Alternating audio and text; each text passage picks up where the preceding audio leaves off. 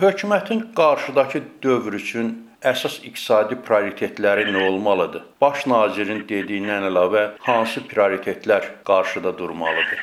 Ümumiyyətlə e, bu cümlədən iqtisadi siyasətin strateji strategiyasını baş nazir, Nazirlər Kabineti o prezident müəyyən edir. Bizdə Nazirlər Kabineti mövcud konstitusiyaya görə prezidentin səlahiyyətlərini icra etməyə köməkçi bir orqandır. Faktiki olaraq prezident administrasiyasının bir tərkib hissəsi kimi də başa düşülə bilər. O baxımdan daha çox əhəmiyyətli bu məsələdə e, mənə elə gəlir ki, prezident İlham Əliyevin inaugurasiya mərasimində çıxış edir. Çünki orada eyni zamanda iqtisadi, sosial sahədə siyasətin istiqamətləri göstərilmişdi. Ələsədə onun da bugünkü çıxışında elə həmin tezislər təkrarlanıbdı. Yəni ümumi şəkildə ərazi sərhədlərinin toxunulmazlığının təminatı, hərbi təhlükəsizliyin təminatı ilə bağlı prioritet olması haqqında dedikləri və sosial inkişafa da diqqət yetirilməsi, texnoloji yeni səviyyəyə keçilməsi barədə təşkil prezidentin inaugurasiya çıxışındakı əsas tezislərin təkrar edib. Mən buna təbii baxıram sözün doğrusu, çünki bizdə hökumət əslində prezidentin hökumətidir, baş nazirin hökuməti deyil və o baxımdan da icraçı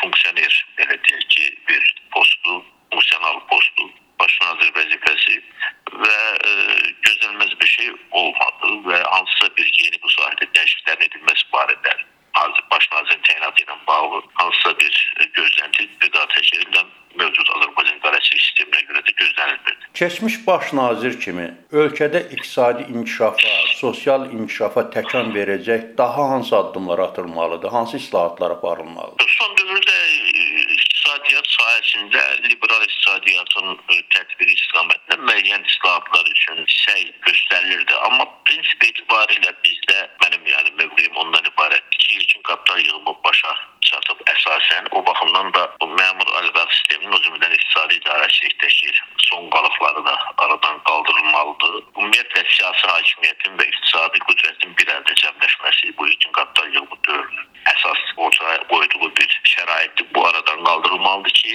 o cümlədən iqtisadi sahədə də istiqamət başlansın. Yəni həqiqətən rəqabətli bir ə, iqtisadi sistemə keçid baş versin. Bu çox kiçik bir şəkildə məmuriyyətin o cümlədən siyasi hakimiyyətin monopoliyasından çıxarılması iqtisadi inkişafda da şübhəsiz ki, yeni bir mərhələyə keçmək ə, çətin ə, olacaq. Siyasətdə olduğu kimi iqtisadi sahədə də avtoritarizm bu saat əsas aparıcı yer tutur ki, bu da şübhəsiz e, iqtisadiyyatın inkişafında müəyyən problemlər yaratmaya bilməz və yaradır. Bu ki, qaldı e, prinsipcə səslənən tezislər e, doğrudur. Yəni yeni texnoloji mərhələyə e, keçilməsi zərurəti var iqtisadiyyatın, Azərbaycan iqtisadiyyatının nəhayət ki, e, demək resurs iqtisadiyyatı olmaqdan ciddi bir şəkildə e, xilas etmək lazımdır və e, yeni bir bu sahədə də addımlar olmalıdır. Çünki dünyanın yalnız Qarabağda gen belə deyək ki, təminatı olan bir resurs ölkəsindən Azərbaycan texnoloji cəhətdən müasir bu rəqabətli dünya rəqabətinə cavab verə biləcək bir istehsalçı iqtisadiyyata keçidərək e, cəhd eləməlidir.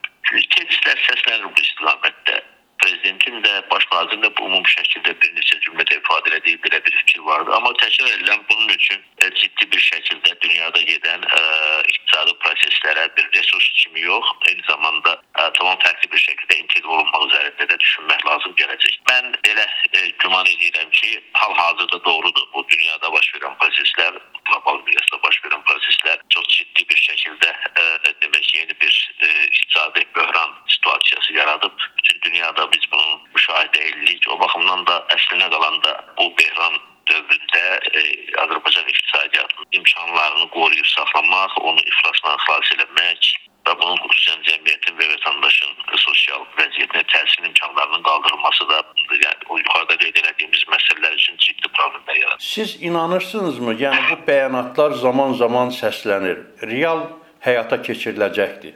Bunun üçün ciddi dəyişikliklərə və birinci növbədə Azərbaycanda siyasi xarakterli e, köklü dəyişikliklərə ehtiyac var. Mən e, son e, hesab edirəm həqiqətən Azərbaycan dövləti özünün inkişafında yeni bir mərhələyə daxil olmuşdur. Bu da demək yeni konstitusiyasının qəbulu, o cümlədən o mülkiyyətlə bağlı olan məsələləri konstitusiyada daha konkret bir şəkildə təmin olunmasını demək labüd hesab edirəm, şərt hesab edirəm daha doğrusu.